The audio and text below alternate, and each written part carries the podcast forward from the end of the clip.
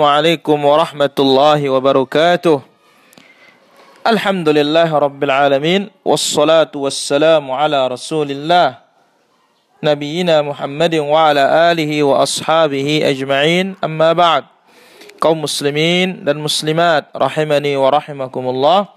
Alhamdulillah pada kesempatan yang mulia dan berbahagia ini kembali kita akan melanjutkan pembahasan dari kitab Al-Usul As-Sittah. Dan pada jumpa pagi yang barokah ini insyaallah dan pagi yang mulia ini akan kita ambil Al-Aslu Thalith pokok dan pondasi yang ketiga. Qala al-musannif rahimahullah Inna min tamamil ijtima' as-sam'a wa ta'ata liman ta'ammara alaina walau kana 'abdan habasyian.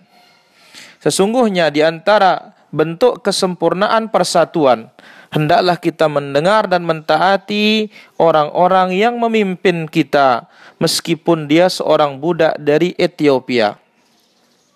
Maka pokok yang ketiga ini, pondasi yang ketiga ini berkaitan dengan taat walil amril muslim, mentaati pemimpin yang muslim.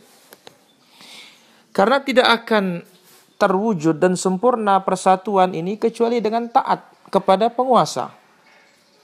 Tidak ada persatuan kecuali bersama imam, bersama pemimpin. Dan tidak ada namanya kepemimpinan kecuali didengar dan ditaati. Maka pemimpin yang muslim Allah jadikan dia kasih sayang bagi kaum muslimin untuk menegakkan hukuman-hukuman, untuk menegakkan amar ma'ruf nahi mungkar, untuk membela yang terzalimi, kemudian menjaga keamanan. Ini bentuk dari kasih sayang Allah Subhanahu wa taala. Dan lihat para sahabat Nabi alaihi wasallam ketika Rasul sallallahu alaihi wasallam meninggal dunia, Nabi belum dimakamkan sehingga mereka membaiat dan mengangkat pemimpin mereka. Karena mereka khawatir terjadinya perselisihan. Mereka khawatir terjadinya fitnah.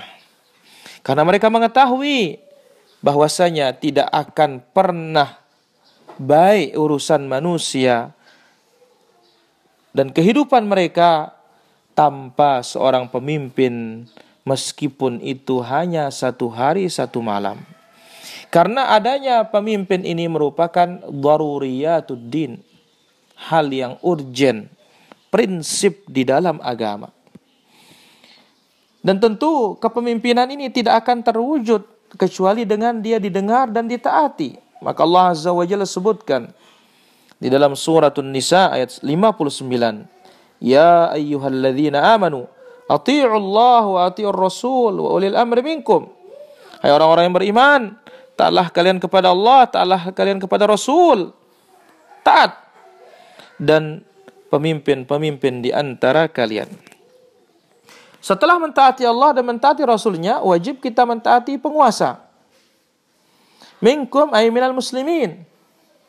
Disyaratkan waliul amr itu muslim. Ya.